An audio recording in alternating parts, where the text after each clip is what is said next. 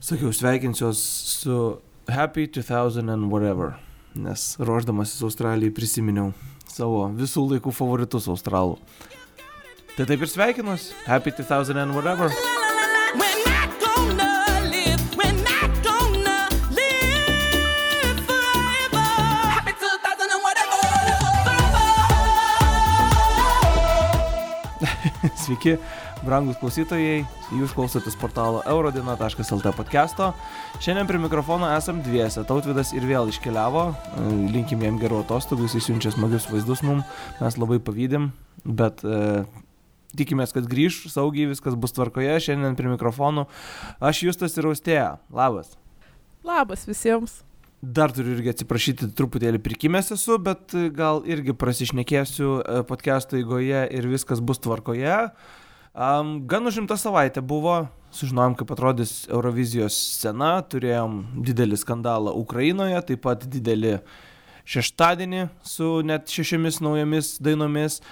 Tai, na, taip pat atranka Švedijoje ir, na, turim iš karto matyti ir kitos savaitės įvykius, tai, na, apie viską, aišku, ir bandysim šiandien pasikalbėti. Sutarėm, kad pradėsim šiandien nuo tokios lengvos temos ir tai yra Eurovizijos scena. Uh, Italijos televizija paviešino scenos dizainą, jinai vadinasi The Sun Within, uh, nežinau net, lietuviškai aš išverčiau Saulė viduje. Tikriausiai toks tiksliausias, bet vis tiek man atrodo, kad nėra tas pavadinimas visiškai šimtų procentų tikslus. Um, tai judanti scena, vidu, vid, viduryje jos tokia iš, iš, iš tokių puslankių sudaryta tarsi saulė, kuri ten turėtų visai sukiotis. Austėja, kaip tau tas scenos dizainas atrodo? Labai tikrai pozityviai nustebau, kai ta scena buvo paskelbta. Sakyčiau, kad tai e, bent jau iš to pirmo įspūdžio būtų gal, gal netgi geriausias įspūdis nuo 2015 metų. Man atrodo, labai gerai atrodo, labai įdomiai. Aišku, sunku pasakyti, kaip tai atrodys realiai ir kaip, pavyzdžiui, pasirodymuose tai atrodys, bet kol kas tai tiesiog labai teigiamas įspūdis.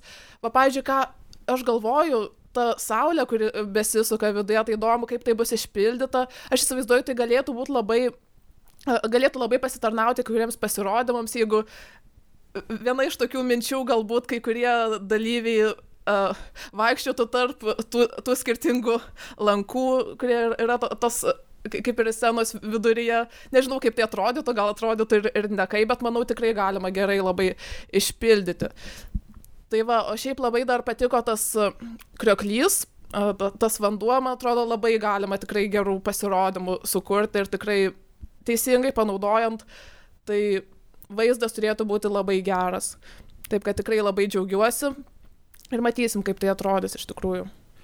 Man truputėlį ta saulė tokių gal klausimų kelia. Aš, pavyzdžiui, nesu didelis tokių kažkokių konstrukcijų ant scenos fanas. Man, pavyzdžiui, 14 metais, kur Kopenhagoje scena buvo, tai be tų pastolių aš sakyčiau, kad jinai būtų atrodžiusi, atrodžiusi žymiai geriau, švariau, paprasčiau, vizualiai paprasčiau ir lengviau.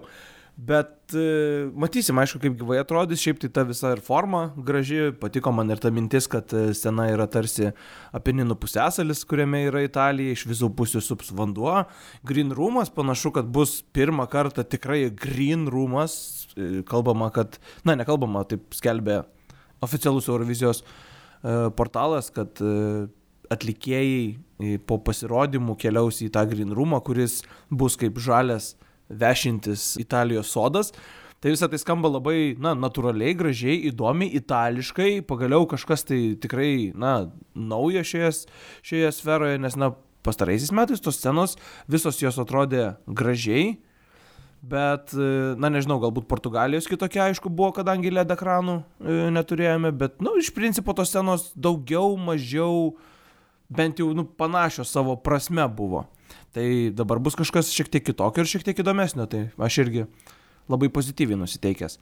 Tai manau, kad apie sceną tiek ir galim judėti prie kitų dalykų, kurie jau nebus tokie lengvi ir tokie paprasti.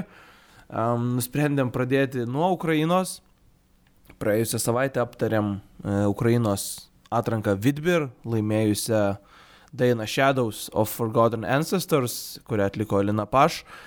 Bet Bet, bet, bet, kaip jau, na, beveik įprasta tampa Ukrainai, po finalo prasidėjo skandalai dideli, pradedant e, balsų skelbimu, apie kurį mes jau ten šiek tiek kalbėjome, kur ten buvo pradėti skelbti vieni rezultatai, tuomet at- atnešė kažkokį tai lapelį su kitokiais rezultatais ir, ir, ir ten viskas tapo taip kažkaip ne visai gražu ir aišku, kaip ten viskas įvyko. Paskui galų galiai išlindo atlikėjos istorija su, su padirbtais dokumentais, kur, na, jis sako, kad jie aišku nepadirbinėjo, kad kažkas iš jos komandos maždaug jos pateikė, bet panašu, kad atlikėja kirto e, Krymo sieną, ta prasme, iš Rusijos pusės įvažiavo į Krymą, ten koncertavo, nors ji, ji minėjo, kad koncertavo ukrainiečių e, vestuvėse ir dainavo ukrainietiškas dainas, na visgi tai yra Ukrainos įstatymų pažeidimas.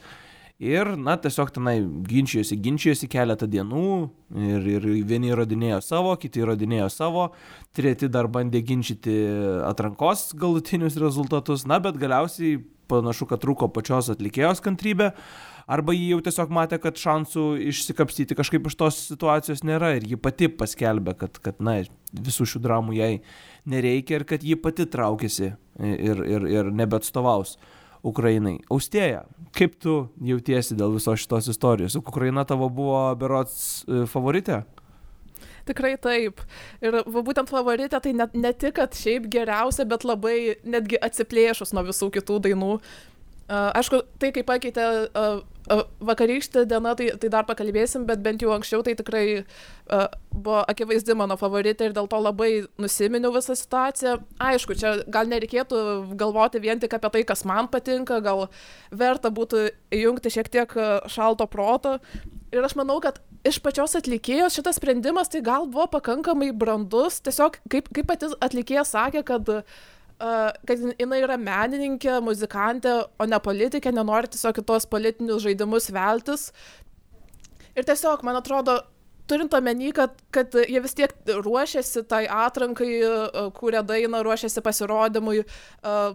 Labai norėjo turbūt dalyvauti Eurovizijoje ir tai galbūt buvo jos svajonė ir dabar pasitraukti, tai tiesiog labai, manau, liūdna jai turėtų būti, bet tai vis dėlto yra galbūt geras sprendimas, kadangi vis tiek sėtų tą pasirodymą jos labiau gal netgi su ta politika, negu su pačia daina ar pasirodymu. Ir tiesiog aš manau, daugam tai nėra smagu ir iš pačios atlikėjos pusės aš manau visai tas sprendimas logiškas yra. Bet iš kitos pusės tai labai pykstu ant transliuotojo Ukrainos, kadangi, uh, aišku, nesistebiu, nes beveik kiekvienais metais uh, tokių dalykų būna, bet aš manau, kad tai vis tiek yra renginys, tai yra labai didelio masto renginys, tai yra uh, nacionalinis renginys, kurį stebi net ne tik ukrainiečiai, bet ir Eurovizijos fanai iš uh, visos Europos ir net pasaulio. Tuo labiau, kad Ukrainos atranka tikrai kasmet sulaukia daug dėmesio. Tai aš manau, kad kai yra rengiamas tokio masto renginys, tai tokie dalykai kaip kažkokie Ukrainos įstatymų pažeidimai turi būti patikrinti iš anksto. Ir tiesiog, čia kai kas pasakytų, galbūt, kad neverta tiesiog lysti tokius dalykus, nes po laimėjimo vis tiek viskas būna uh, išviešinama labai. Uh, bet aš manau, kad tai nėra kaip ir pasiteisinimas iš, iš Ukrainos transliuotojo pusės. Jie tiesiog paprasčiausiai nepadarė savo darbo. Dabar a, tiek atlikėjos vardas suterštas, tiek, tiek jai pačiai daug nuostolių, tiek pasirašymo, a, kurie kaip ir nuėjo šunį ant odegos, tiek a, konkurso gerbėjai yra nusivylę. Tai aš manau, čia tiesiog yra labai blogas požiūris Ukrainos į visą šitą konkursą ir labai tiesiog viskas yra neskanu. Ir vėlgi čia, kaip jau minėjau, kad reikia atsiriboti nuo asmeninių kažkokių simpatijų, tai taip galbūt aš esu šiek tiek šališka šitoj vietoj, bet kita vertus, tai aš panašią nuomonę turėjau ir, ir apie 2019 metų situaciją, kai uh, atlikėja Maruv su daina Siren Song iš vis pasitraukė ir Ukraina iš vis pasitraukė iš Eurovizijos, nors nei, nei aš ją palaikiau, nei ką, bet vis tiek aš turėjau panašią nuomonę, kad tai labai yra neprofesionalu. Ir nesažininga tiek atlikėjų, tiek ir konkurso gerbėjų atžvilgių. Taip kad tikrai manau, čia yra labai nemaloni situacija ir labai tiesiog supikau ant Ukrainos.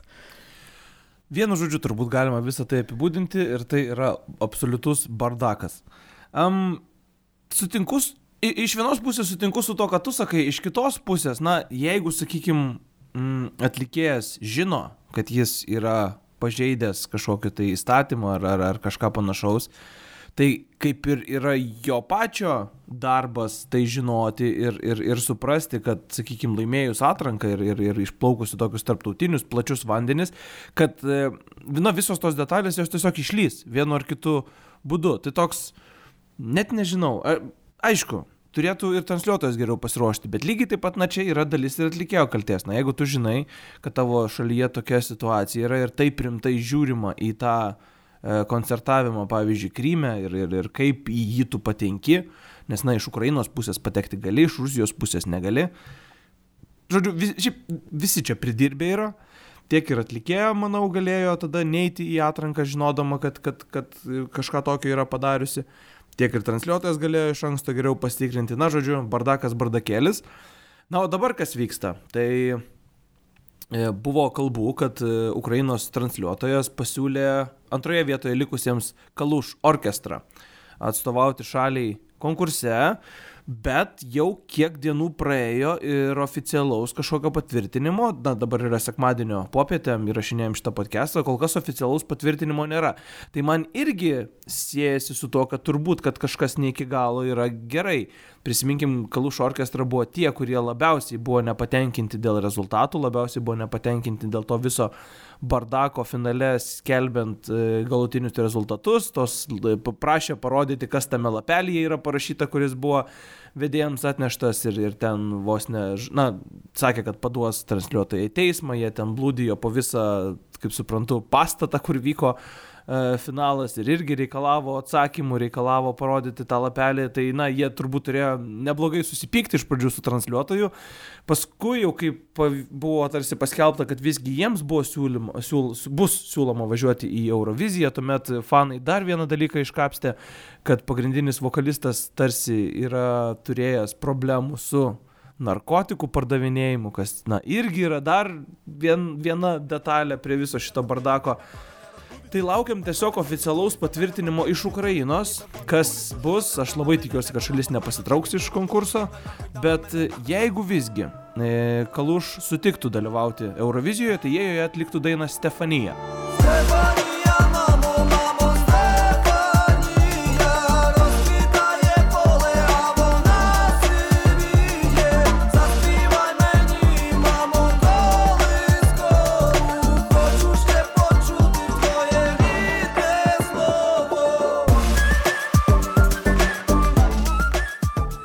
Aš prisipažinsiu, jau sakiau tą praeitą savaitę per podcastą, aš manau, kad šita daina, e, būtent finalo metu, aš buvau visiškai 50-50. Man buvo visiškai nesvarbu, ar Kaluš laimės, ar Alina laimės. Abi dvi dainos man labai labai patiko. Aš jų abiejų klausiau visą šią savaitę, net ir per visus tos skandalus. Ir, ir prieš tai, prieš e, pat atranką irgi jų abiejų klausiau. Tai kaip daina, aš, man, na, didelio turbūt labai tokio kaip ir skirtumo net ir nebūtų. Ta prasme, Lina Paš buvo mano geriausiųjų trejetukė, penketukė ir lygiai taip pat ir Kalušo orkestra jame. Būtų puikiai daina, daug e, smagių nacionalinių motyvų, na ir kalba aišku. Man labai labai patinka, kaip jie per pasirodymą prieš pat priedainį tenai linksi taip į visas pusės per tą lėtesnę dalį. Priedainis, aišku, puikus, man truputėlį gal gyvai užkliuvo vokalisto, a, priedainį būtent atliekančio vokalisto, o ne reperio vokalas, bet manau, kad tą galima sutvarkyti ir, ir man šis pasirinkimas patiktų ir, ir, ir aš nors ir pykstu dėl viso to, kaip sakiau, bardako, bet na, galų gale, jeigu ši daina skambėtų Eurovizijoje, tai aš vis tiek būčiau patenkintas. Austėjo, kaip tu jaustumės apie Stefaniją? Aš tai manau, kad, kad ir kas, pavyzdžiui, atstovautų, čia net ir hipotetiškai kalbant, kad ir kam būtų pasiūlyta atstovauti, tai tiesiog aš bent jau į tai žiūrėčiau kaip, kad tas atstovas tarsi ne tas, kurio, kur- kuris, kuris turėjo kaip ir būti, nežinau, kiek tai lemia uh, mano simpatijos uh, Alinai Paš ir, ir jos dainai Shadows of Forgotten Ancestors. Uh, nes, nu, taip žinoma, ta daina buvo mano visiška favoritė atrankos ir nei viena daina uh, iš kitų nebuvo net arti to. Uh, tai aš manau vien dėl to tiesiog, kad ir nebloga daina, uh, daina Stefanija, bet man atrodo tiesiog tiek dėl visos situacijos, tiek galbūt ir dėl asmeninių simpatijų tiesiog e, nelaikyčiau tai, taip e, li, lyg e, tikrųjų atstovo, taip gal pasakyčiau. Čia kaip kartais būna, kad kai mano favoritas, pavyzdžiui, koks nors atrankos nelami, kurį daug kas palaiko, kurių manau, kad tikrai laimės. Ir tada būna toks nusivylimas. Ir dažniausiai, aišku, Eurovizijos tai praeina, priprantu, bet uh, kartais pasitaiko tokių, kad atrodo, kad ne tas tiesiog turėtų atstovauti. Tai aš manau, Ukrainai būt, būtų būtent tokia situacija. Bet kita vertus, tai visai man patinka jų daina. Manau, kad tikrai ir pasirodymas buvo geras. Viskas gerai išdirbta, atlikėjai pui- puikiai atrodo scenoje, dainuoja neblogai. Taip, gal, gal vietomis e, ir šiek tiek ir užkliuvo tas vokalas, bet manau, tai bus tikrai pataisoma ir viskas tikrai skambės puikiai. Tai tikrai nėra blogai, tuo labiau, kad tiesą sakant, šių metų Eurovizijos kol kas kokybė šiek tiek yra nuvilinti mano nuomonė, tai į savo to padėčiau pakankamai aukštai, manyčiau. Jo, aš kažkaip e, visada pykstu, kai žmonės tokiu maždaug metu, kai dar tik, na, maždaug pusė dainų yra aiškios, pradeda kalbėti, kad oi, čia tai jau praščiausia Eurovizija bus. Na, bet šiemet um, aš po truputį irgi jau linkstu link to. Aišku, gali būti, kad galbūt tos visos likusios dainos, kurių mes dar nežinome, bus labai labai geros. Na, bet e, yra tokių, e, šiokių tokių kažkokių ženklų, kad galbūt tai nebus pati stipriausia Eurovizija, arba, na, jeigu lyginant su pernykšte, kuri buvo visiškai puikiai, tai panašu, kad tikrai galim turėti silpnesnį konkursą. Ir prie, Visiškai sutinku. jo, ir prie to šiek tiek turbūt prisidėjo ir vakarykštė gal diena. Nemanai? Nors tu sakai, kad tau, tau bendrai patiko. Taip pat, aišku, perėsim prie atskirai, Jo. prie kiekvienos dainos, bet jeigu toks bendras įspūdis. Aš, pavyzdžiui, galiu nuo, nuo, nuo savęs pridėti, kad e, man vakarykštė diena pakoregavo tiek mano top penketuką, tiek mano apatinį penketuką. Ir gan ženkliai. Į, į top viršutinius penkis aš įtraukiau dvi dainas, o į apatinius penkis įtraukiau tris. Ne, man tai vakar, vakarykštė diena tikrai pagerino labai reikalus, aš nau, naują top 2 gavau. Ok, ok, tai ta, prie to dar, aišku, prieisim. Um, tai manau, kad galim pradėti ir e, taip tiesiog, nežinau, čia burtų keliu, ne burtų keliu, taip kažkaip susidėliojo, kad nusprendėm pradėti nuo Slovenijos. Uh, Slovenijoje įvyko tradicinė jų atranka EMA. Beje, visada prieš EMA jau uh, tą finalą, prieš pusfinalius vyksta EMA Fresh. Ir būtent uh, nugalėtojai šių metų uh, Slovenijos atrankos atėjo į pagrindinį EMA konkursą iš EMA Fresh. EMA Fresh tai yra toks jaunųjų atlikėjų konkursas, kurie, jeigu aš neklystu, taisyklė yra ta, kad jie turi nebūti išleidę daugiau negu trijų komercinių singlų ir turi būti jaunesni negu 30 metų. Tai iš to konkurso būtent keli e, atlikėjai patenka į pagrindinį EMA konkursą, na ir e, būtent EMA Fresh e, vieni iš laureatų tapo ir nugalėtojais visos EMA atrankos ir atstovaus Slovenijai Eurovizijoje. Tai susipažinkite su grupe LPS ir daina Disco. Gledam drugim stran odhajaš, hočem te, a ti drugemu srce oddajaš, pleševa. Ampak to je le v mojih sanjah, ne, ne bo te nazaj. S tem gledajo me slike. Nu ir ką žinau, ką galima pasakyti. Visų pirma, tai manau labai svarbu žinoti, kad grupės pavadinimas LPS tai yra frazės Last Pizza Slice trumpinys. Fantastika. E, toliau, mačiau, man labai patiko komentaras, kažkas e, rašė, kad e, primena mm, šitą grupę, jos pasirodymas primena e, kažkokią tai mokyklos ar, ar, ar gimnazijos, tokią susiformavusią grupę. Ir į šitą komentarą kažkas atsakė, kaip suprantu, iš Slovenijos atsakė komentaru, kad šita grupė yra būtent mokyklos grupė ir kad jie nelabai kur plačiau, sakykime, ir yra koncertavę, na bent jau, pavyzdžiui, televizijoje, aš kaip suprantu, jie iš vis ne- nelabai buvo pasirodę iki šios atrankos, tai visiškai naujas, jaunas projektas.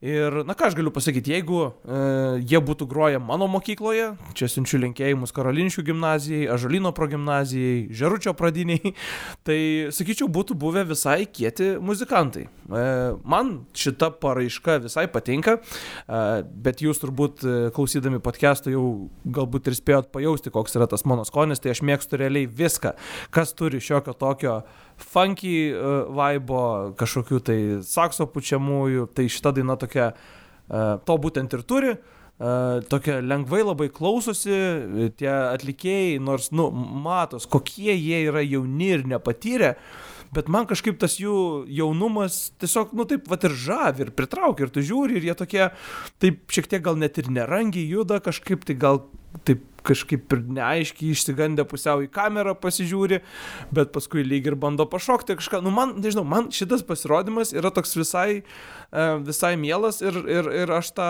dainą bent jau kol kas visai norėčiau įsitraukti į grojaraštį. Tiesa, kadangi, na, grupė yra praktiškai nauja visiškai ir, ir groja tik tai mokyklose, tai dar net ir Spotify aš jų e, berots neradau arba bent jau iš tos dainos tai tikrai neradau.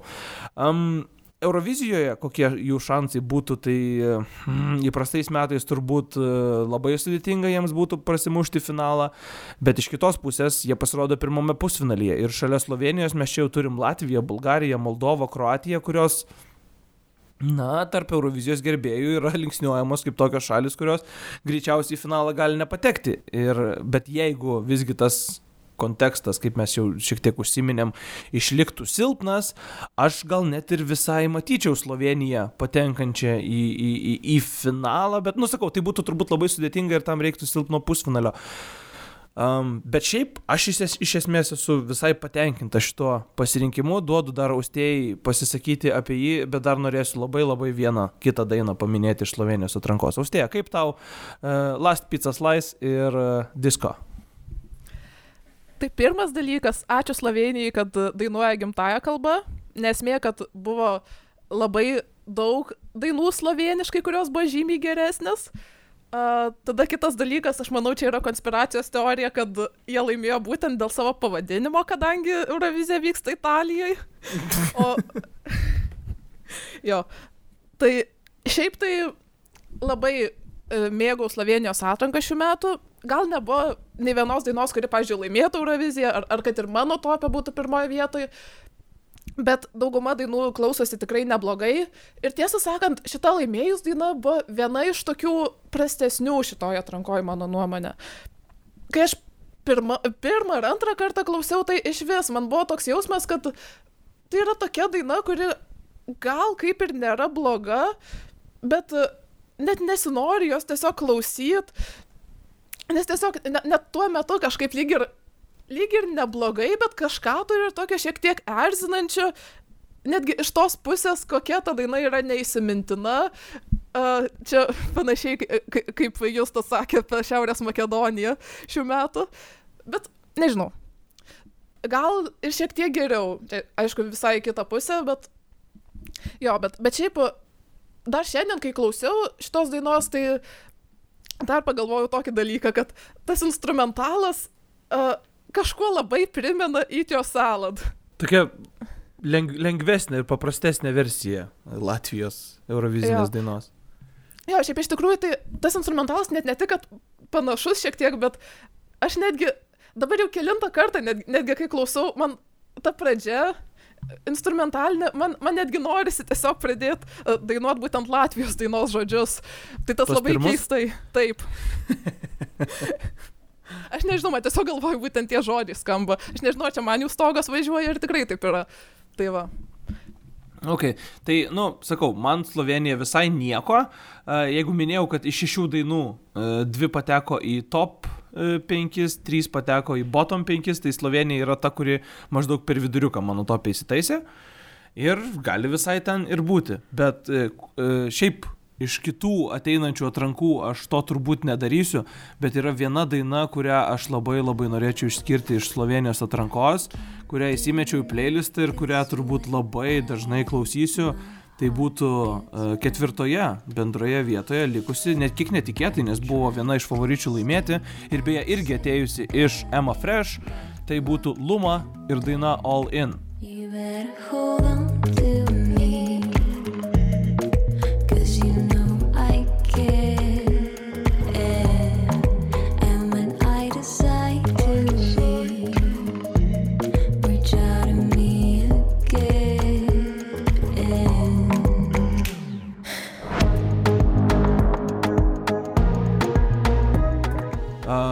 Austėja, neapsitariau visiškai šito su tavim, kad aš norėsiu juos paminėti, bet uh, kaip tau? Ar, ar tau patiko? Nes man tai įspūdis nerealus apie šitą dainą ir apie šitą pasirodymą. Jo, aš mačiau daug teigiamų komentarų apie šitą dainą ir, ir man irgi patiko. Uh, sakyčiau, irgi viena galbūt iš mano favoričių, aš dar turėjau ir kitų favoritų atrankoj, bet taip, tai būtų kur kas geresnis pasirinkimas. Gal tai tokia daina šiek tiek primenanti netgi 2019 metų uh, Slovenijos pasirodymą, dainą Sebi, kuri man dar labiau patiko iš tikrųjų, bet uh, taip, tikrai labai gerai vertinu. Aišku, jaučiasi tam tikra nepatirtis iš atlikėjų, A, Bet taip, iš tikrųjų sutinku. Gera daina, kaip jau sakiau, labai mėgstu šitą atranką a, Slovenijos. Gal irgi dar norėsiu savo favoritę vieną paminėti, ar- arba du netgi pagrindinius favoritus turėjau. Mhm. Tai aš dar labai trumpai apie Lumą. Um, nežinau, visas tas pasirodymas, visų pirma, tai jam uždėtas yra kažkoks vaizdinis efektas, tai jis atrodo šiek tiek šviesesnis už kitus ir išsiskiria tuo labai iš kitų. Toliau, atlikėjų aprangos, ta rožinė spalva šalia viso to fono, nu jį irgi labai tinka, bet kas yra svarbiausia šiame pasirodyme, tai kad, na, ta pagrindinė vokalistė ir yra kitas berniukas scenoje, kuris groja klaviš, na, ta, tarsi klavišiniais, ten nežinau, kažkoks labai labai mažas sintezatorius ten yra ir ji tarsi jį valdo. Jis visą pasirodymą žiūri tik į ją. Ir e, jie labai, nu, labai chemija tarp jų labai stipri yra. Ir, ir, ir aš tikrai net pagalvoju, man net taip kaip ir iš vienos pusės nejauku darosi, nes atrodo, kad tą vyruką visiškai yra užvaldžiusi ta mergina, bet aišku, tokia ir mintis yra. Ir man atrodo, kad ta mintis labai gerai įgyvendinta buvo. Tai, na, sakau, Luma All In, paklausykit šią dainą, susiraskit e, YouTube, Spotify, bet kur, klausykit, man atrodo, fantastiškas kūrinys. Austėja, kas dar tavo buvo favoritai Slovenijoje? Tai mano favoritė irgi atėjo iš Emma Fresh. Labai keista, kad e, Emma Fresh konkursas tikrai buvo labai stiprus. Aš ten permečiau e, per visas dainas. Tai labai patiko. Ir mano favoritė tai buvo Stella Sofija su daina Tu Ins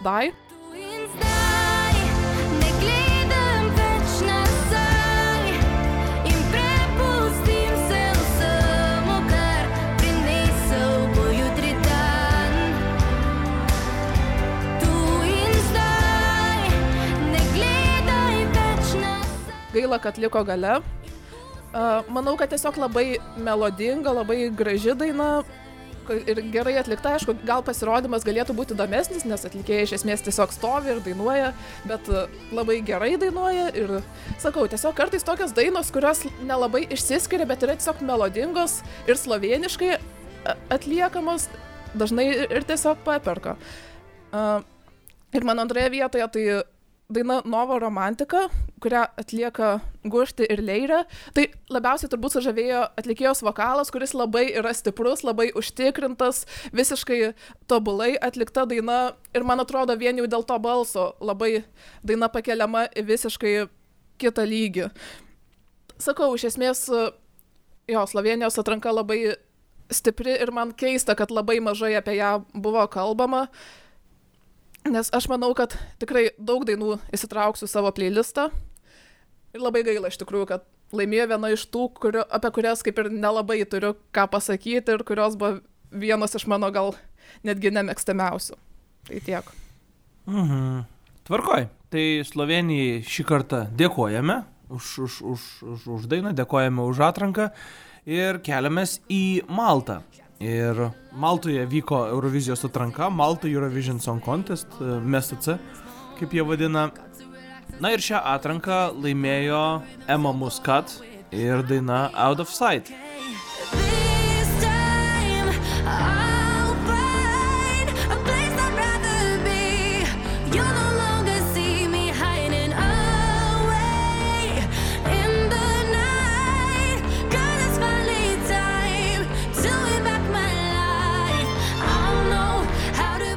Aš prisipažinsiu, net netkreipiau dėmesio į šią dainą, kai, kai klausiau Maltos dainų. Man apskritai šitas, šita atranka, šitas finalas toks buvo, nežinau, labai daug tokių kičinių, paprastų pop dainų, kurios, na, nelabai ko išsiskiria, tai man tiesiog viena, kuri išsiskyrė, tai buvo Aidan daina ritmu, kuri liko antroje vietoje, labai smarkiai atsiplėšusi nuo trečios vietos, bet labai daug pritrūko ir iki pirmos vietos. Tai man kažkaip ji vienintelė išsiskyrė, na, daina buvo atlikta maltiečių kalba, kas, kas, kas irgi padėjo, bet, na, kalbant, jeigu apie Emma Muscat ir Out of Sight, tai, nežinau, iki prie, pirmo priedainio ir, ir tas pirmas priedainis skamba visai gražiai, bet po jo viskas lieka taip pat ir man tiesiog darosi nuobodu. Atlikėja gera, balsas jos geras, e, pabaiga su ta mažaja Ema, kuri na, apsirengus tarsi taip pat kaip pagrindinė vokalistė ir viena priešais kitą dainuoja irgi graži, bet aišku, Eurovizijoje niekas neleis to padaryti, nežinau, ką jie naudos, LED ekranus ar, ar, ar kokias tai hologramas.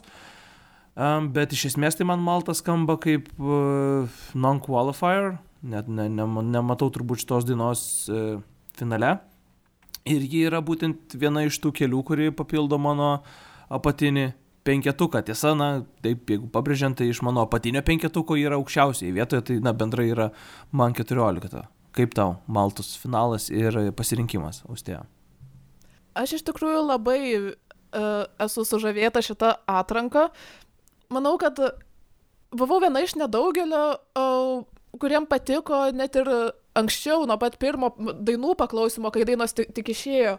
Uh, bet manau, kad labai daug dainų tiesiog suskambėjo dar geriau gyvai. Buvo labai gerai at, atliktos tiek, tiek vokaliai, tiek filmavimas labai geras. Apskritai, man atrodo, organizacija Maltos atrankos buvo labai profesionali. Uh, ir šiaip tiesą sakant, aš pasilgau jau Maltos atrankų, tokių, kurios buvo iki uh, 2018 metų, po to buvo padaryta pertrauka. Ir aš manau, kad tas visas atrankų sezonas man buvo tarsi netoks uh, tuos kelis metus, kai nevyko Maltos atrankos. Čia gal net ne tik dėl dainų ar atlikėjų, bet ir, ir tiesiog visa ta atmosfera, kuriama man tiesiog la- labai, labai smagi, labai tokia šilta, nuoširdi. Tiesiog, man atrodo, yra kai kurios atrankos, pavyzdžiui, mes jau šiek tiek kalbėjom apie Švediją, kur yra viskas kaip ir tas pats, ten, pavyzdžiui, viena pop daina, viena kokia ten švediška, viena uh, baladė, ten vienas koks vyresnis atlikėjas ir panašiai. O Maltoj, man atrodo, to nėra tokio kaip ir bandymo gali tikti, sakykime, įvairiai auditorijai, kas gal kai kam ir nepatinka, bet man atrodo tiesiog ateina atlikėjai, kurie turi geras dainas, kurie gerai dainuoja ir pasirodo ir tiesiog galima rinktis iš daug, aišku, e, gal ne viena daina labai irgi neišsiskyrė, visai kaip ir Slovenijoje, bet iš kitos pusės tai labai daug dainų skamba labai gražiai. Labai tiesiog melodingai, tokios labai, labai sakyčiau, daug uh, baladžių mano stiliaus. Tai dėl to tas, tas ir įspūdis toks, labai, labai daug gražių ir vizualiai pasirodymų, kas labai nustebino. Tai va, o kalbant apie nugalėtoją, tai aš tiesą sakant, kaip ir žinojau, kad būtent šita atlikėja ir šita daina laimės. Konkurso gerbėjai lyg ir gana vieningai sutarė, kad tai bent jau yra viena geriausių dainų. Uh, skamba profesionaliai, gana stipriai. Šiaip aš sakyčiau apie tą dainą, klausosi gerai, kažkur apie vidurį mano topą, jeigu neklystu, ir 10 ar 11 vietą įdėjau. Jeigu ta kokybė, sakykime, pasitaisys ir bus tokia kaip, kaip visada, tai prognozuočiau apie 20 vietą savo topę. Bet šiaip tai apie pačią dainą, tai kažkok, kažkas tarp šio laikinės tokios pop muzikos lengvos ir kažkas netgi tarp to, kas buvo populiaru prieš kokius 10 metų. Tiesiog tokia gal ne, ne visai, turi kažkokią modernumą, bet tokį ir ne visai, šiek tiek tas priedinis, toks primenantis gal uh, praeito dešimtmečio ar už praeito hitus kažkokius. Tai tiesiog tokio labai išskirtinumo nėra, bet skamba gerai. Atlikėjos vokalas tikrai nuostabus. Tai va, o, o dėl, dėl Maltos šansų tai aš net nežinau, jeigu pasirodymas geras ir jeigu pusfinalis koks nelabai stiprus, tai aš visai matyčiau ir finale, aišku, ten jų gale liktų, bet visai manau, kad neblogai. Komisija Malta vis tiek palaikys. kaip, Turbūt. kaip visada palaiko, nesvarbu, ką Malta siūstų, kažką jie ten turi užsukę kažkokį tai. Ne, čia jau kon- konspiracijos teorijas, gal nenueikim į šitą e, vietą. Tai manau, kad su Malta tiek, dabar kelkime į šiaurę. Ir, na, be didesnių netikėtumų, Norvegijoje e, atranką laimėjo grupė duetas Subwoofer ir daina Give That Wolf a Banana. And before that wolf eats my grandma, give that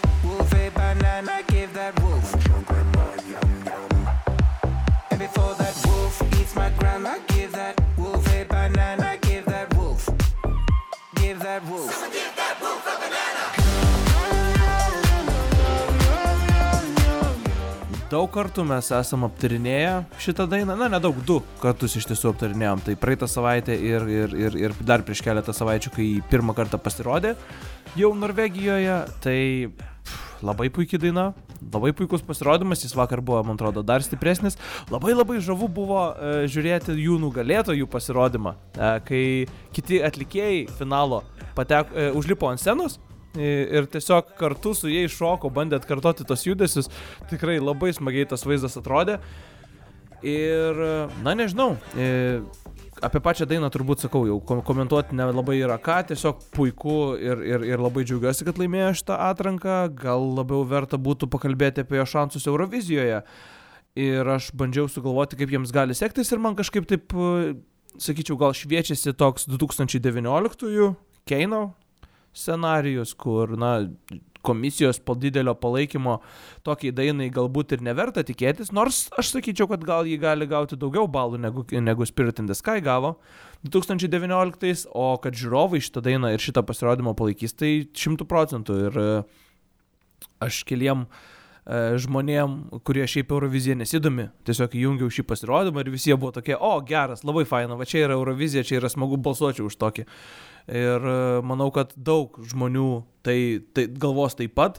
Ir manęs, pavyzdžiui, nenustebintų visiškai, jeigu Norvegija žiūrovų balsavime jau gegužė, jau finalo metu, na, į, į finalą jį tikrai pateks, čia jokių šansų, kad iš pusfinalio neišeitų. I- Bet aš manau, kad šitą dainą ir finale, pavyzdžiui, žiūrovų balsavime galėtų į geriausių penketuką patekti ir tai nebūtų tikrai staigmena. Na, į dešimtuką tikrai pateks, bet ir manau, kad ir penketuką gali patekti. Ir tada mm, daug kas, aišku, priklauso nuo komisijos, bet aš taip, nu, manau, kad Norvegiją matysim geriausių į dešimtukę. Austėja, e, apie Norvegijos finalą e, ir, ir, ir, ir kokie Subwoofer šansai pagal tave. Jo, tai iš tikrųjų labai džiaugiuosi, kad Subwoofer laimėjo. Aišku, aš norėjau, kad laimėtų LCB su daina Death of Us. Uh, jau irgi, aišku, daug kartų kalbėjom, uh, mūsų bendram balsavime uh, ta daina užėmė pirmą vietą. Dar aš tiesiog trumpai apie tą finalinį LCB pasirodymą labai norėčiau pasisakyti. Tai manau, kad visiškai nuostabus pasirodymas. Aš net nesitikėjau, aš tą dainą įsimylėjau nuo, nuo turbūt pirmo paklausimo. Uh, bet tokių jausmų nesukėlė nei studijinė versija, nei pirmas jos pasirodymas e, viename iš pusfinalių. Nežinau, gal, gal pusfinalio pasirodymas buvo ir šiaip kiek silpnesnis ir dar kitas dalykas, tai tiesiog tai buvo pirmas gyvas pasirodymas, kai tiesiog dar nežinojau, kaip, kaip atlikėjai sekasi gyvai dainuoti, tiesiog ne, nebuvau niekada girdėjus, o dabar jau žinau, kad uh, jos vokalas yra tikrai puikus. Tai tiesiog labiau ir, ir tiesiog pasimėgavau, manau, bet net nesitikėjau, tiesiog nuo pat pasirodymo pradžios visą laiką širpai lakstė. Ir ypač uh, kulminaciniai vietoj, kur mes aptarinėjom jau kažkada, kad uh, buvo ta viena vieta, ta aukšta nata gale, kur lyg ir skambėjo kaip kažkoks choras, gal tai galėtų būti ir pritarančiųjų vokalistų partija. Uh, Bet man tiesiog tada keistai atrodė, kad, kad pati atlikėja lyg, lyg ir vaidino, kad dainavo tą vietą, nors iš tikrųjų nedainavo, tai tas atrodo keistai. Ir kai aš išgirdau, kaip jie dainavo šitą vietą vakar, tai aš buvau apšalus visiškai. Tai labai tiesiog sužavėjo tas pasirodymas ir dar labiau netgi norėjau, kad laimėtų ir, ir nusivyliau tikrai, kai nepateko į, į, į top 2. Aišku, į, į top ketvirtuką pateko, tai bent jau tie gerai. Jo, šiek tiek nusivyliau, bet uh, su Wolfer tai buvo mano antroji vietoje. Labai džiaugiuosi, kad laimėjo, kad turim tokią smagį ir tokią tikrai, jeigu tai yra joke entry, tai toks tikrai geras, uh, kokių šiaip nebūna daug, prisimenant, kaip, kaip, kaip aš kalbėjau apie Lolitą arba, arba Latviją. Tai yra toks linksmas pasirodymas, bet jis yra tikrai labai kokybiškas, bent jau pati daina. Kaip jau minėjau, labai, labai tiesiog mėgstu visas tas žinutės, ko- kokią šitą dainą siunčia.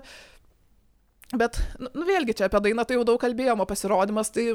Apie pasirodymą tai šiek tiek gal turiu ir, ir, ir tam tikrų nelabai teigiamų įspūdžių. Aš manau, reikėtų tvarkyti tą vietą, kad, kad nesimato, kaip tie atlikėjai dainuoja po savo kaukiam. Tiesiog kartais gal, jeigu, jeigu žmogus taip gerai nepažįsta tos dainos ir nėra klausęs tiek daug kartų, tai gal, gal net pagalvotų, kad jie nedainuoja, nes tiesiog nesimato, kaip, kaip jo lūpos juda ir panašiai. Tai šitą vietą gal kažkaip reikėtų patvarkyti, nes aš manau, kad tikrai įspūdį šiek tiek gadina. Gal apskritai tai yra daina, kuri e, įrašė skamba geriau negu, negu gyvam pasirodyme. Tai va dėl to taip ir negarantuočiau, dėl, dėl kad ir tos uh, uh, top dešimtuko vietos. Aišku, taip, žiūrovai, manau, palaikys. Aš manau, tai daina, kuri gal ir tik tokia išpopuliarės, ir peržiūrų daug rinks, ir žiūrovo palaikymo galim tikėtis, o dėl komisijos, tai aš nežinau, kaip bus. Tai visakau, tikiuosi jo, kad viskas bus gerai, susitvarkys pasirodymą. O šiaip tai, tai yra daina, kuri mano antroji vietoje šiuo metu. Tai labai džiaugiuosi. Norvegija irgi iki mano top penketuko pakilo. Ir, bet ką dar norėčiau paminėti, kiek e, iš tikrųjų visai nemažai įtampos vakar ten buvo skelbiant tos Norvegijos rezultatus. Apskritai netikėtai Northkid e, pateko su Subwoofer į jau patį, patį, patį jau tą paskutinį finalą. Na, nes Norvegijos finalą sudaro kelios dalys. Iš pradžių išrinkami keturi geriausi, iš keturių geriausių paskelbiami du geriausi ir tuomet už tos du geriausius dar kartą balsuojama. Tai Northkid prieš paskelbus berots ten kiek 5 iš 6 ar, ar 4 iš 5 regionų, jie buvo pirmoje vietoje ir buvo netgi visai atsiplėšę nuo Subwoofer. E, Bet, na, paskutinis, paskutinis regionas rytų berots e, daugiausiai būtent palaikė e, vil, geltonosius vilkus ir jie važiuoja į Euroviziją. Tai su tuo sveikinam, tuo džiaugiamės ir keliaujam prie Kroatijos. Kroatija irgi vyko nacionalinė atranka, Dora šiais metais, kaip beje ir ankstesniais metais, jeigu neklystu, tą atranką sudarė vienas tik tai vakaras. Ir taip, e, nežinau, tikėtai ar netikėtai, mažai iš tikrųjų domėjausi šią atranką, palyginti su kitomis atrankomis, bet e, Kroatijos atstove tapo Mija Dimšič su daina Guilty Pleasure. Would you run away?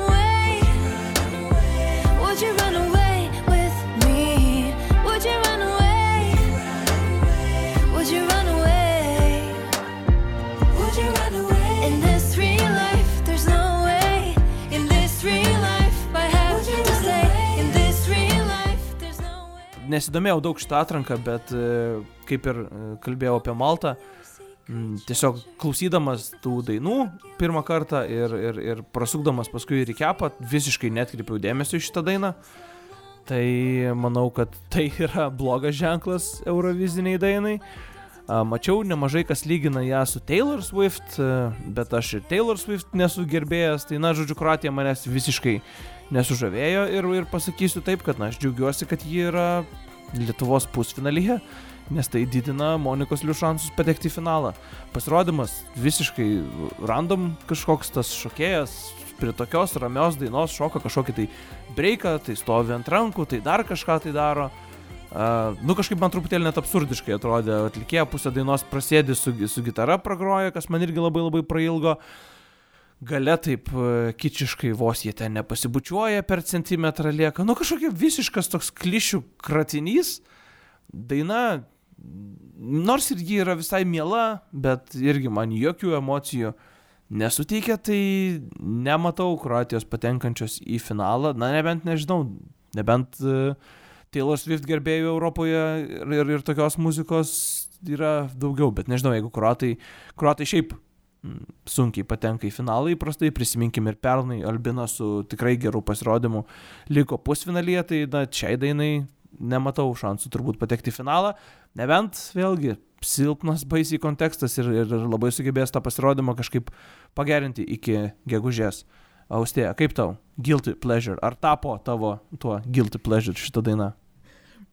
Tai jo, visų pirma, apie dainos pavadinimą, aš manau, mums labai reikėjo dainos pavadinimu Guilty Pleasure. Tai yra tiesiog viena, viena iš tokių dažniausiai turbūt vartojamų frazių Eurovizijos kontekste. Tai vien dėl to jau atkreipiau dėmesį. O šiaip tai, jau prisipažinsiu, kad irgi beveik nesiekiau šitos atrankos. Tiesą sakant, aš gal girdėjau tik tris dainas iš šitos atrankos.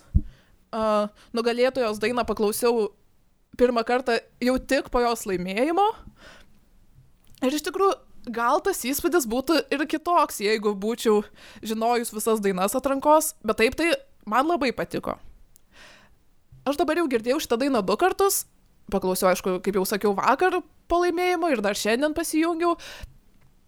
Tai iš tikrųjų tai labai geras jausmas tiesiog klausyti šitą dainą. Nėra vėlgi kažkuo labai išskirtinė, bet man tiesiog labai, labai graži, labai, labai mėla daina. Kuri tiesiog, man atrodo, nenusibostų, e, neįkyrėtų ir, ir tiesiog, nors tai nepretenduoja į jokią pergalę ar, ar to penketuką, bet labai gerai, kad tokių dainų Eurovizijoje yra ir galbūt nustebins visus ir pateks, pavyzdžiui, į finalą, a, ar užims kokią vietą top 20, pavyzdžiui, manau tikrai būtų verta ir kai dauguma fanų ją pamirš ir niekas nekalbės, ar, ar kai kas heitins, tai aš tikrai apginsiu ir palaikysiu. Ir taip įsivaizduoju, kad gal šita daina dar net ir groweris yra. Nemanau. Labai džiaugiuosi. Nemanau, Aš tai manau. Ne, ne, ne, ne, ne. Nu, bet e, jo, visi turim aišku savo nuomonę, bet sakau, aš tai tiesiog ne, nematau šitos dainos nei finale. E, Kaip ir tu, paklausiau ją du kartus, vieną vakar, kai išrinko, vieną dar šiandien prieš podcastą. Ir manau, kad iki gegužės turbūt daugiau ne kartą ir neklausysiu. Kokia toje vietoje tavo topė? Ji patenka tarp tų penkių apačioje mano, kur, kur, kur vakar įsitraukiau. Ne visiškai paskutinė, berots lenkia e, Bulga, bu, nu, Bulgarija ir iš Makedonija, tai jų turbūt e, žemiau jų mažai kam pavyks. Ten tai žemiau nusileisti. plintuso iš vis. Žemiau plintuso. jo. Nors ne, Makedonija tai gerai. Ne. Taip. Ne. A, a, a, a. E, daugiau nieko apart Makedonijos ir, e, ir, ir, ir Bulgarijos, kurią vat, net ir pamiršau beveik dabar. E, Kroatija mano top ir neplenkė ten. Dar, da, dar yra viena daina, kuri tenai irgi taip žemai nusirito, dėl kurios turbūt dar smagiai pasiginčysim, bet, e, nu, prieisim prie to. Tai jo, tai man Kroatija kol kas berots yra trečia nuo galo e, daina. Atsiprašau visų gerbėjų ir austėjos.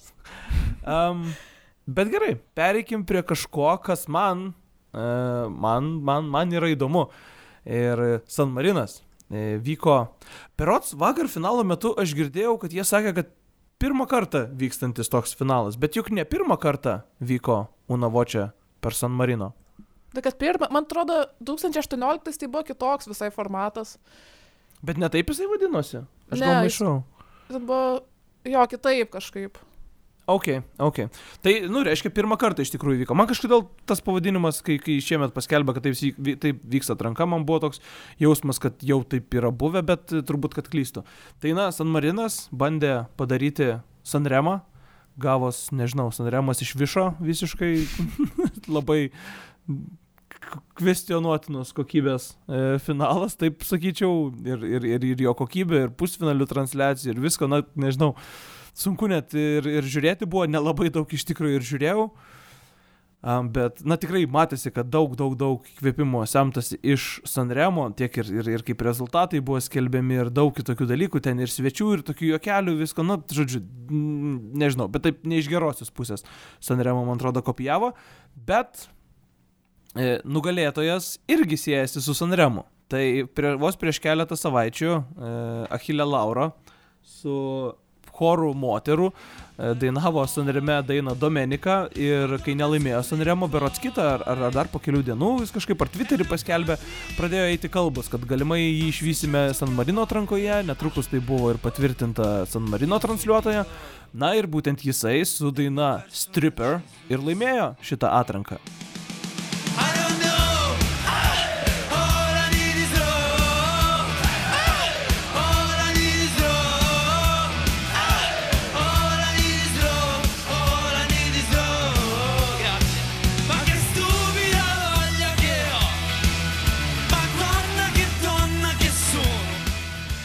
Tai fantastika, man, man labai labai patiko šitą dainą. E, Priedainis, aišku, truputėlį skamba kaip kokia sirgalių skanduotė, bet labai aišku šitą dainą ir šitą pasirodymą į kitą lygį pakelia pats Achilė Laura. Jis yra e, puikus e, atlikėjas. Ir jeigu nesat pažįstami su juo, aš labai labai labai rekomenduoju. Nueikite Eurodieną, atsidarykite San Marino straipsnį ir šalia tos dainos Stripper, kuris skambės turinė, apačioje yra kita jo daina Menefrego iš Sanremo festivalio 2020 metų. Ne, ne, ne, šių metų Domeniko, bet, bet prieš kelis metus, kai dalyvavo. Ir ten yra toks suklyjuotas klipas iš visų jo Sanremo pasirodymų, plus ten iš fotosesijų kelių ir panašiai. Tai tiesiog atidžiai pažiūrėkit tą klipą. Na tas atlikėjas yra švelniai tariant ir mažų mažiausiai įdomus. Um, jeigu prisimintume tą pasirodymą, na tai kokios ten aprangos buvo, kokia aš taip net e, pasižymėjau, kokia seksualinė įtampa tarp jo ir gitaristo.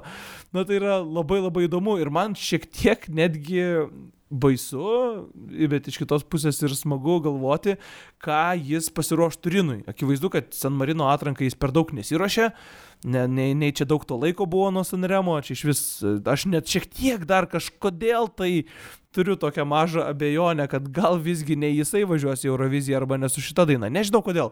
Tiesiog tokį jausmą kažkokį turiu, jis toks atrodo labai nenuspėjamas vyrukas. Ir e, manau, kad dar gali nustebinti. Jeigu nenustebins ir visgi išvažiuos su šitą dainą, tai... E, nu, aš tai pasakysiu. Mes kaip vakar rašiau į čia, nenuskambės gražiai, iš, iš anksto atsiprašau, bet e, pavyzdžiui, Sanremo pasirodymo metu šiemet atlikėjas e, pasikrikštijo, vat tiesiog taip, atliko tokį ritualą, apsipylė vandeniu ten ir panašiai. Tai e, Turino scenoje mes turėsim irgi vandens kažkokio tai. Tai man, na, aš, aš neįsivaizduoju, ką jis su to vandeniu gali padaryti. Ir nusprendžiau visgi, gal aš nesakysiu, ką aš galvoju, ką jis gali padaryti. Tiek to, bet aš kažkaip va taip ir įsivaizduoju, kad Achilė Lauro galėtų būti tas atlikėjas, kuris tą vandenį esantį aplink sceną turi, ne, galėtų kažkaip labai įdomiai išnaudoti. Tai, tai San Marinas keliauja tiesiai į mano penketuką, man labai patinka šita daina, man labai nervų daug kyla dėl to, kad jos nėra Spotify ir, ir, ir aš turiu klausyti tą prastos kokybės įrašą iš San Marino atrankos, bet man labai patinka, aš labai džiaugiuosi iš to pasirinkimu ir, ir, ir, na, sakau, vien pats atlikėjas jau yra fantastika, būtinai pažiūrėkite tą Menefrego uh, performance art, kaip net yra parašyta, ne klipas, ne, ne, ne National Final Performance, ten yra performance art. Austėja, kaip tau San Marino pasirinkimas? Šį kartą tai jau aš labai pozityvi nebūsiu. Mes taip skiriamės visada. Specialiai čia taip. toj prie Lenkijos prieisim. Tikrai taip. Tai jo, tai San Marinas, nepasakysiu labai kažko blogo, tiesiog aš tą dainą klausiau vėlgi vakar po laimėjimo ir dabar prieš podcastą. Ir tiesą sakant, aš nelabai jos ir prisimenu. Apart tam tikro, uh, tam tikro roko skambesio, italų kalbos ir paties atlikėjo, aišku, jo charizmos, jo viso to įvaizdžio. Tai iš tikrųjų, kalbant apie atlikėją, tikrai smagu, kad yra tokių žmonių, kurie laisvai jaučiasi scenoje, kurie tikrai gali sugalvoti kažką įdomaus. Taip, Jie matyt, kad- laisvai kartais jaučiasi scenoje. Būtent, taip. Pernelyg. Nes šiaip dar pasakysiu tokį dalyką, aišku, čia visiems jau nusibodo a, tie lyginimai su Moneskin, bet tam tikrų panašumų yra. Aišku, taip, tikrai labai reikia pabrėžti, kad tai nėra pirmas kartas ir ne dabar, ne dabar Akilė Laura pradėjo daryti kažką tokio. Uh, tai aišku, nėra nei kažkokia kopija, nei kažkas, bet tiesiog man tai atrodo jau nieko naujo. Čia kaip kai kas gal pasakytų, kad nu bent jau kažkas įdomaus, bent jau kaip atlikėjas, jeigu ne pati daina, bet aš manau, kad aš geriau jau turėčiau kokią gražią baladę, kuri vėlgi ten gal nieko labai nepasiektų, bet būtų smagu klausytis. O šiaip, gal ta daina nėra bloga, gal tiesiog aš jos dar neprisimenu, daugiau paklausysiu ir gal, gal labiau tada patiks. Šiaip tai skamba tikrai neblogai. Džiaugiuosi, kad vėl turim itališką dainą iš San Marino, nes jeigu neklystu, tai paskutinį kartą buvo tu- 2013. Tai labai gerai, kad turim itališką dainą. Ir šiaip įdomus fenomenas, kad Sanremo dalyvis atstovauja San Marinui. Čia turbūt kiekvienais metais, ar, ar bent jau beveik kiekvienais metais girdim apie tam tikrus atrankų nelaimėjusius dalyvius, kurie bando į San Mariną eiti, bet uh, dažniausiai tiesiog nepavyksta. Visai įdomu tiesiog, kad tai įvyko šiemet. Jo, aš galiu nebent priminti, kad ir e, Justinas Stanislavaitis iš grupės Tusom kažkada tai yra dalyvavęs Berot San Marino atrankoje. Tai toks įdomus e, faktas. Aš, aš, aš šiaip nesu visiškai tikras dėl jo, bet jūs esate atsakę, man atrodo. Jo, tu, jo, buvo, Tautvis? Man atrodo, ir aš sakiau kažką, jo, kad ten kažkokiam etape, kur ten tą pagrindinę atranką net nepraėjo, tai Jo, tai San Marinas toks, nu, tampa, e, kažkas gerai pasakė, kad San Marinas tiesiog e, yra iš ankstinis second chance contest, kur tu dar, e, nu, prieš e, OGAE fanams balsuojant už second chance dainas, tu dar gali į San Mariną nueiti ir gal net ir pačią Euroviziją išvažiuosi. Tai ačiū San Marinui už tai. Ir e, gerai, e, tiek e, su San Marinu. Keliaukim į Lenkiją. Ir aš kol kas e, perdodu tiesiog mikrofono austėjai, nes aš bijau net ir prasižioti kol kas, nes kai pasakysiu, tai būsiu užmėtytas tapkiam, akmenim ar dar kom nors. tai austėja, kas įvyko Lenkijoje ir, ir, ir, ir kaip tu vertini tą dainą? Taip, tai Lenkijoje irgi vyko nacionalinė atranka. Ja laimėjo iš ankstinis favoritas Christian Ochman su daina River.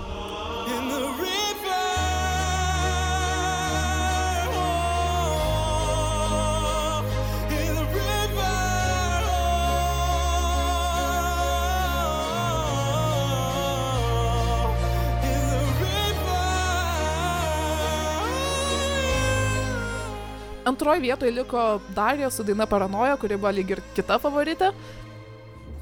Uh, tai iš esmės jo vyko ta kova tarp šitų dviejų iš ankstinių favoritų. Uh, kaip dažnai būna, vyksta tiesiog kova tarp galbūt baladžių ir, ir pop dainų fanų. Tai va, nugalėjo baladės, labai smagu. Uh, tai va, bet šiaip, kalbant apie nugalėtoją, tai labai džiaugiuosi. Turiu vėl naują favoritą naują savo pirmąją vietą. Labai tiesiog smagu, kad, kad tokių dainų turime Eurovizijoje, man tai yra visiškas šedevras. Kaip praeitą savaitę kalbėjom, tai aš gal taip, taip stipriai gal ir neišsireiškiu, nes tai tiesiog buvau tiesiog vieną kartą paklausius prieš pat, prieš pat podcastą praeitos savaitės, bet po to dar kartą, dar kelis kartus tos dainos klausiau, tai tiesiog kiekvieną kartą skamba vis geriau, labai labai graži daina, uh, labai galinga, ka kažkokį tokį irgi efektą turi daugiau negu tiesiog, kad gražiai skamba. Gal panašiai, kaip aš sakiau apie, man atrodo, Noemi iš Sanremo, kad tiesiog atrodo, kad, kad širdis sustoja vietom, tiesiog labai labai gražu. Ir tokios dainos tiesiog net nelabai netrūpi, kas scenoje vyksta. Nes ti- tiesiog, aišku, kalbant apie pasirodymą, tai atlikėjo vokalas yra nuostabus, bet visa kita tai, kad ir kaip myliu dainą, tai turiu pastabų pasirodymai. Manau, kad fonas visiškai netiko, tiko labiau kokiai nors Disnėjaus kokios, kokiai nors dainai. Arba čia, čia kažkas panašaus, gal kaip kokia, kokiai Austrijai 2016 metų toks fonas labiau tiktų. Uh, bet tikrai ne tokiai dainai, tokiai, kuri yra tikrai labai liūdna ir dramatiška. Čia tikrai kažko tokio tamsesnio reikėtų. Nu ir kitas dalykas, tai ir charizma atlikėjo šiek tiek kelia abejonių, tai manau, aš tikiuosi, kad kažkaip pagerins visą situaciją, nes daina yra labai verta labai aukštos vietos, mano nuomonė. Oi, net nežinau, kaip man čia nuo ko čia pradėti ir negauti į skūrą. Gerai, kad tautvido dar nėra, nes būčiau iš vis vienas tada. Na, tai tu dvigubai bent jau, galiu. dabar bent jau 50-50. Ai, tiesa, ašgi sakiau, e, pa- prašiau tautvido trumpai parašyti apie šį e, šeštadienio vakarą. Gal ir gerai, va dabar paskutinį laimėtoją aptariam. Tai tautvidas apie vakarą visiems perdodo tai. E, Šiaip jis nėra impressed. E, Gaila LCB, bet sėkmės subwooferiams. E, Slovenija, Malta ir Kroatija įspūdžio nepaliko. Achilė galėjo pasiimti iš Sanremo dainą Domeniką, o Ochmanui reikia normalaus staging ir iš kažkur rasti šiek tiek asmenybės. tai toks, tokios tautvido išvalgos apie šį vakarą. Na, o kalbant apie Lenkiją, tai, okei, okay, nuo pozityvių dalykų pradedant, tai e, dainos posmai ir bridžais, bridžas, ypač su tais muikais tenai prieš pat tą kulminaciją, tikrai, tikrai yra puikus. Ir, ir, ir visiškai nieko negaliu blogo jiems pasakyti. Gražiai ir žodžiai skamba, ir instrumentuotė graži. Nu, bet priedainis. Mmm, Jesus Christ. Priedainis yra kaip ir pagrindinė, nu, dainos dalis visgi turėtų būti svarbiausia dainos dalis. Ir, e, nu, man, man jisai tiesiog, nu, toks bjaurus yra. Nu, ne, ne, ne, nepabijosiu, net va taip kažkaip ir, ir, ir, ir bais, nu, baisus priedainis. Visiškai nesuprantu, kaip tokiai dainai galima įdėti tokį priedainį, pilną kažkokios tai elektronikos, pilną kažkokio tai žodžių malimo, viskas taip labai greitai ir skamba, nu taip kičiškai tas, tas būtent priedainis. Sakau, atmetus priedainį būtų puikiai gera mm, baladė ir nebloga paraiška. Bet priedainis tai man tiesiog, nu, viską visiškai sugadina. Ir, nu, ir nežinau, kaip tai tvarkyti, nes, nu, sakau, nu, ne, ta prasme, tu nesutinki su manim, kad priedainis yra žiauriai silpnas šitos dainos. Aš nežinau, man turbūt geriausia dalis.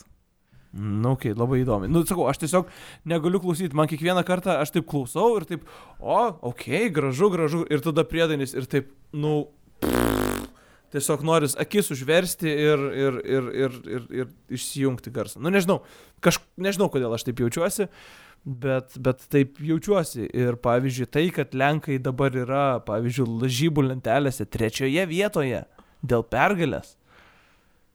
Nu, nežinau, nežinau. Tai aišku, Lenkai patys labai garbina šitą dainą, tai nenustepsiu, jeigu gaus daug e, žiūrovų balsų. Nu, bet aš nematau šitai dainai šansų ten patriukšmauti, kažką turinė ir kažko tai geresnio užimti. Nežinau, čia, čia žinai, čia toks atvirkštinis pernai portugalų variantas, kur visi sakė, kad visiškai nieko gero, o aš negalėjau suprasti, kaip niekas, niekas nemato portugaluose kažko tai gražaus, ką aš mačiau. Tai man lygiai taip pat e, su Lenkija, kur visi kalba, kad, nu, tai yra puiku ir tai yra gražu, bet aš, čia, čia, čia, čia vat, ką dabar pasakysiu, tai yra turbūt pats il, il- iliustratyviausias dalykas. Kai šiandien scrollinant Facebook'e pamačiau balsavimą, e, kuri Lenkijos daina ar pernykštė The Ride, kurios aš nekenčiau ir kuri buvo mano paskutinėje vietoje, ar šių metų e, River yra geresnė. E, aš sutinku, kad River yra geresnė, bet e, kartais aš tokiuose balsavimuose, kada man jos būna apylygiai, pavyzdžiui, dainos geros arba apylygiai blogos, aš nespaudžiu nieko. Tai šį kartą aš nieko nepaspaudžiu. Nu, man šita daina, tas jos priedainis taip viską sugadina, kad aš net negaliu pasakyti, kad už tą pernykštę Rafalo dainą šita daina yra žymiai, žymiai kažko tai geresnė. Bet, nu, tikrai turiu labai atsiprašyti. Daug fanų ir, ir, ir tikiuosi, kad vis dar e, klausote mūsų ir neišjungėt. Įdomu, šiaip e, labai būtų įdomu, jeigu pasidalintumėt, ką jūs galvojate apie visas dainas. Tai daug e, esame rodenoje nuotraukų įkėlę, tai eikit, komentuokit, e, mes tos komentarus visada skaitom, žiūrim, matom, pasidalinkit savo įspūdžiais, bus labai tikrai įdomu paskaityti. E, tai tiek su šiomis dainomis išrinktomis šią savaitę, dar labai trumpai pereikim prie Švedijos. Ir aš galvau, kaip čia daryti, gal čia tautvidą bandyti į podcastą iš atostogų pasikviesti, nes visgi Švedijos ambasadorius. Na, bet e, bandysim mes patys kažkaip susitvarkyti. Tai dar septyni e, kūriniai nuskambėjo Melody Festivalin, jau trečioji laida, tai reiškia, kad iki finalo lieka du žingsniai ir iki finalo išgirsim dar e, septynias dainas. Bet na jau beveik visos Melody Festivalin kortos yra atskleistos. Na ir į finalą e, žiūrovų sprendimu kelia, nukeliavo Anders Bagė su daina Bigger Than the Universe ir Faith Kakombo su daina Freedom. Tai ką aš galiu pasakyti? Na, e, pirmas į finalą e, daugiausiai palaikymo sulaukęs keliavo Anders.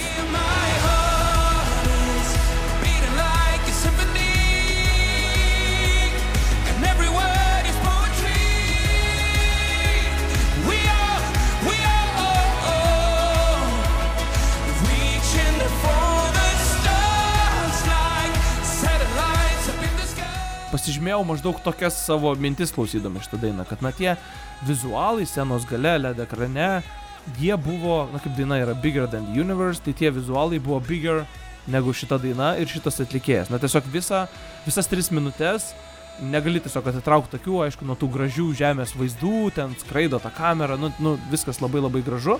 Daina visiškai netrukdo tais vaizdais mėgautis. Atlikėjas dainuoja gerai, visas įspūdis man šiaip neblogas, bet na taip, aš nuo pirmos Melody Festivalien laidos viską matuoju Kornelijos e, Jakobs skalėje, na ir iki jos tai man čia toli yra. Aš, aš vis dar ir šioje laidoje neišvydau nieko, kas galėtų aplenkti e, jos dainą Hold Me Closer.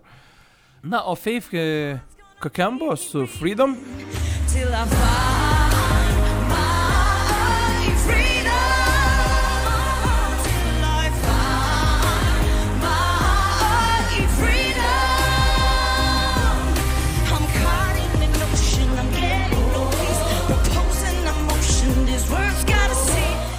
Kažkuo man šis pasirodymas e, primena pernykštį nugalėtoją Tusę ir, ir jo pasirodymą, nors daina šiaip visiškai nėra panaši, vėlgi, labai viskas kokybiška, gražu, atlikėja puikiai, e, labai gražus filmavimas irgi ir vaizdas ekranuose, ir kai dainos antroje pusėje prie jos prisijungia bekai, tai įneša daug labai tokios gyvasties į tą pasirodymą ir, ir, ir, ir viskas labai smagiai ir gražiai susižiūri.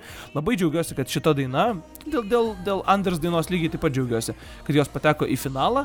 Jos abidvi e, turbūt patenka į mano Melody Festivalio geriausiųjų ketvirtuką. Bet, e, kaip jau ir sakiau, jos abidvi turbūt labai smarkiai atsilieka nuo Kornelijos Jakobs, kurią jau įvardinau kaip vieną iš galbūt netgi ir Eurovizijos favoritų. Tai pažiūrėsim, kaip viskas čia susiklostys. O šiaip tai daugiau šitoje laidoje manęs ypatingai niekas nesužavėjo. Austėja, kaip tau įspūdžiai po Melody festivalio atrankos? Aš tai tiesą sakant nesutikčiau, kad tai yra silpna laida. Aš gal netgi tai įvardinčiau kaip stipriausia laida. Aišku, sutinku irgi, kad uh, niekas nebuvo arti Kornelijos Jakobs. Taip, tai yra visiška favoritė ir mano iš, iš viso Melody festivalio. Bet šiaip visos dainos iš šios laidos man skambėjo tikrai gerai. Ko nebuvo nei pirmoji, nei antroji laidoj. Nes, nu, pirmoji, nu, jeigu ta Kornelija buvo gal vienintelė, kuri taip įstrigo, sakykim, antroji laidoje, nu, tai ten irgi gal viena ar dvi, taip labiau negu kitos. Tai čia tiek, kai klausiau ištraukas, tiek, kai visus pasirodymus pasižiūrėjau, visos kažkaip gerai ir susiklausė ir tie pasirodymai visai geri, sakyčiau. O tai dėl to nėra nei tokio labai džiaugsmo dėl to, kas pateko, nei ir nusivylimų. Tiesiog, manau, abi dainos buvo vienos iš galbūt geriausių, bet sakau, visos tokios panašiam lygiai labai. Tai kalbant apie Bigger Than the Universe, tai buvo daina, kuri turbūt paliko didžiausią įspūdį iš ištraukos. Tiesiog tokia gana paprasta, melodinga, graži daina, skamba taip labai nuoširdžiai, sakyčiau.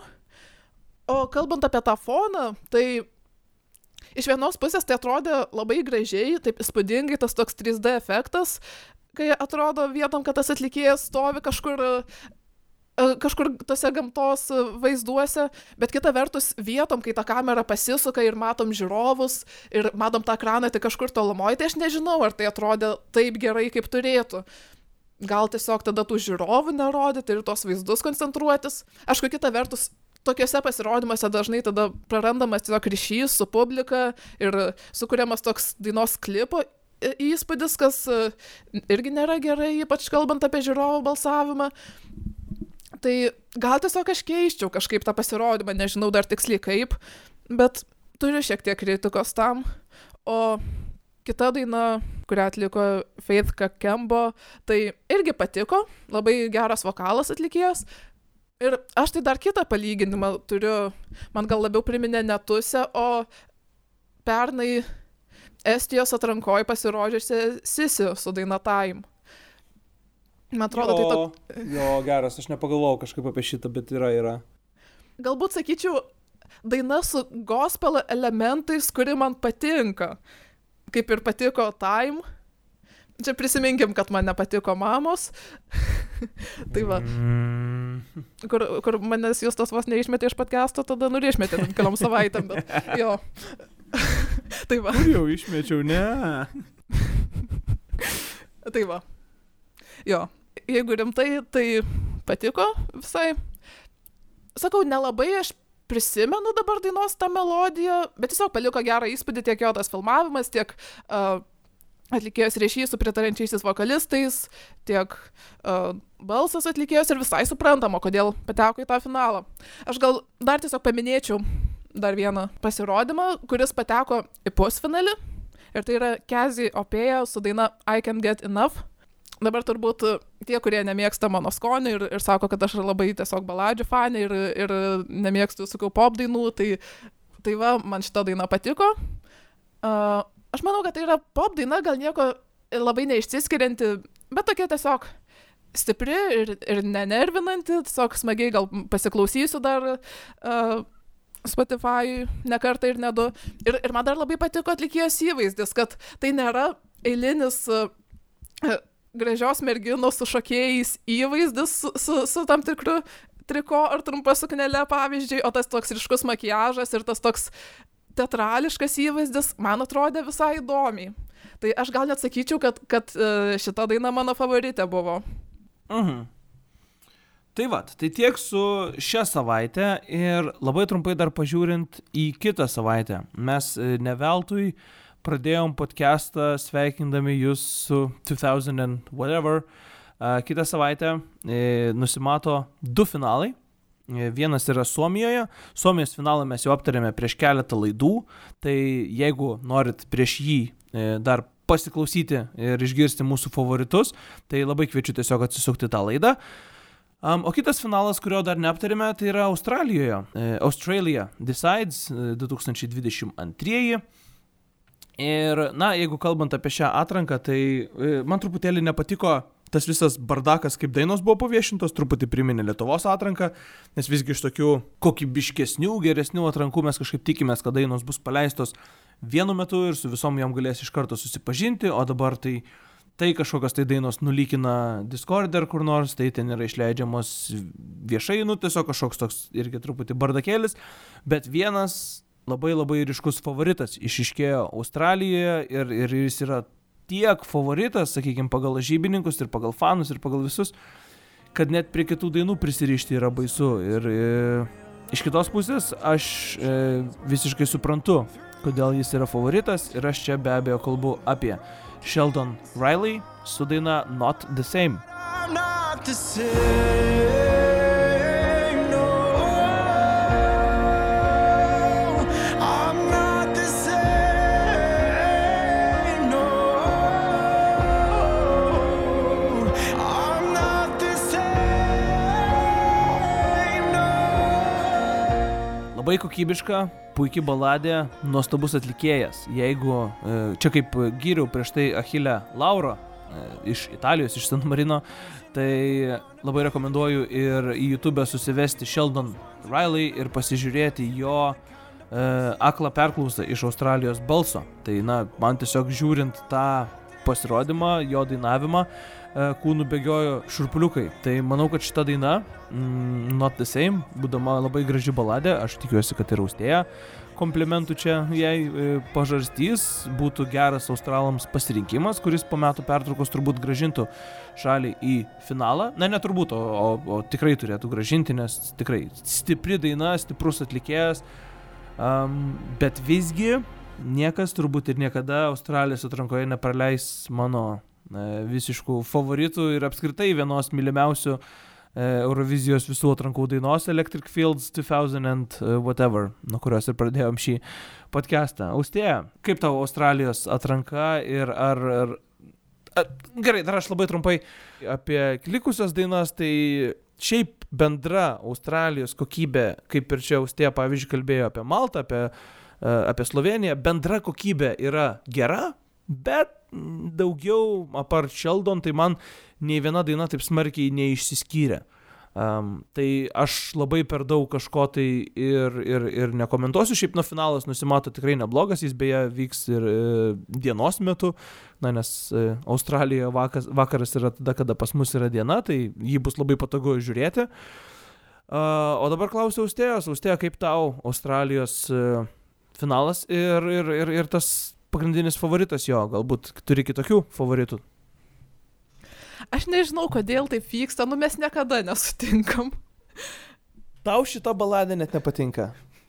Visai nieko, bet tik tiek. Aš nesuprantu. Aš mačiau, kai kas lygino su Lenkijos daina. Uh, kai kas sakė, Šimtą tūkstančių milijardų kartų geriau už Lenkijos dainą. nu kodėl? Tiesiog kodėl? Viskuo. Dvasios kažkokios yra priedainis nebjaurus. Atlikėjas charizmatiškas. Nu, okei, okay, aš pasirodymų, pasirodymų šitą atlikėjo dar kol kas nežiūrėjau. Aš prisipažinsiu visų dainų, išklausiau prieš pat podcastą. Tai gal ta, ta nuomonė dar pasikeis. Uh, bet šiaip, uh, daina Not the Same tai yra mano ketvirtoj vietoje iš visos atrankos. Šiaip man patiko kokybė bendra atrankos. Bet aš sakau, aš nesuprantu, kodėl jis yra toks favoritas. Aišku, taip, gal dėl to, kad aš nemačiau gyvų pasirodymų, bet tiesiog ta baladė yra graži, vietom tikrai labai patiko, bet e, iš kitos pusės tai aš nesuprantu, kuo jinai geresnė už tą pačią Lenkijos dainą, man tai kur kas prastesnio, kur kas e, silpnesnė, tiesiog nėra, nėra tos tokios galios, mano nuomonė. Visiškai tokia, tokia eilinė baladė, taip stipri, bet aš tiesiog Bet čia labai... gal labiau mano nuomonė, nes šiaip tai fanai, tai gal Lenkija šiek tiek geriau vertina negu Australija. Nors, na, jeigu žiūrėtume į lažybas, tai Lenkija maždaug yra trečioje vietoje, o Australija yra atrantoje, ant, a, antroje vietoje. Tai per daug aš gal to visokių skirtumo didelio nėra. mačiau. Jo, jo tiesiog Mm. tą palyginimą kažkada mačiau ir, nu, vieniem vienaip, kitiem kitaip, tai čia dėl to. Uh, tai va, o šiaip, aš manau, nėra tokio vieno ryškaus favorito, nu, mano nuomonė, Australijos atrankoj. Aš kol kas pirmą vietą daviau uh, Jaguar Jones su daina Little Fires. Jeigu atvirai, ne per labiausiai dabar prisimenu dainos melodiją, bet tiesiog tokia uh, meniška, tokia dramatiška daina. Uh, man labai patiko šitos atlikėjos bandymas 2020 metais, man atrodo, su, su daina Rabbit Hole. Jo, iš tikrųjų labai gerą įspūdį paliko. Tai va, o šiaip ir kitos dainos, manau, visai neblogos. Gal tik viena daina taip visai nepatiko, sakyčiau. Tai įspūdis toks visai neblogas. Nors tikiuosi, kad tos intrigos bus įnešta ir kažkas pasikeis ir nebus visiškai taip, kaip daug kas įsivaizduoja. Pagyvensim ir pamatysim.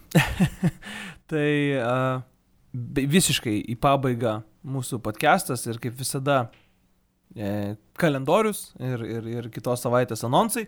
Laukia šiaip e, to, po tokių kelių savaičių visai rami savaitė. Nebent, nežinau, pradės e, dropinti kažkokios tai dainos ir naujienos iš tų atlikėjų, kurie dar iš vis nieko nėra e, mums pranešę. E, bet kitą savaitę, bent jau kol kas, yra numatyta e, Australijos atrankos finalas šeštadienį, taip pat Suomi finalas ir e, tuomet dvi atrankinės laidos. Švedijos Melody Festivalian ketvirta atrankinė laida, kurioje beje pasirodys paskutinių kelių e, Melody Festivalio netgi na, viena iš favoričių ir kartą Švedijoje jau atstovavus- atstovavusi Ana Berhendal ir taip pat prasidės e, Islandijos atranka.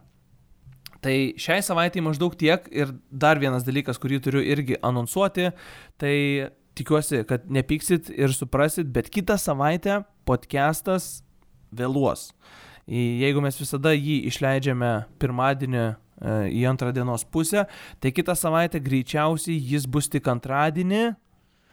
Gal net ir, ga, jeigu kažkas netikėto visgi nutiktų, gal net ir šiek tiek vėliau gali būti, bet stengsime labai antradienį išleisti. Tiesiog e, ir, ir tau tautvidas vis dar atostogaus ir aš pats būsiu išliekęs visą savaitgalį, tai tiesiog na, nebus kada nei pasidomėti tomis dienomis, nei kada įrašyti, bet e, labai tikiuosi, kad na, apie savaitės vidurį, apie antradienį kažkur tai tą visgi pavyks padaryti. Tai šiam kartui tiek. E, Su jumis buvo portalo eurodena.lt podcastas Justas ir Austėja. Dėkojom jums labai uždėmesi. Vėlgi primenam ir kviečiam mus pasiekti Facebook'e, Instagram'e dalintis podcastų su kitais žmonėm, kuriems galbūt būtų įdomu sužinoti apie kitų šalių Eurovizinės atrankas. Ir e, dar kartelį dėkui ir iki kitos savaitės. Iki.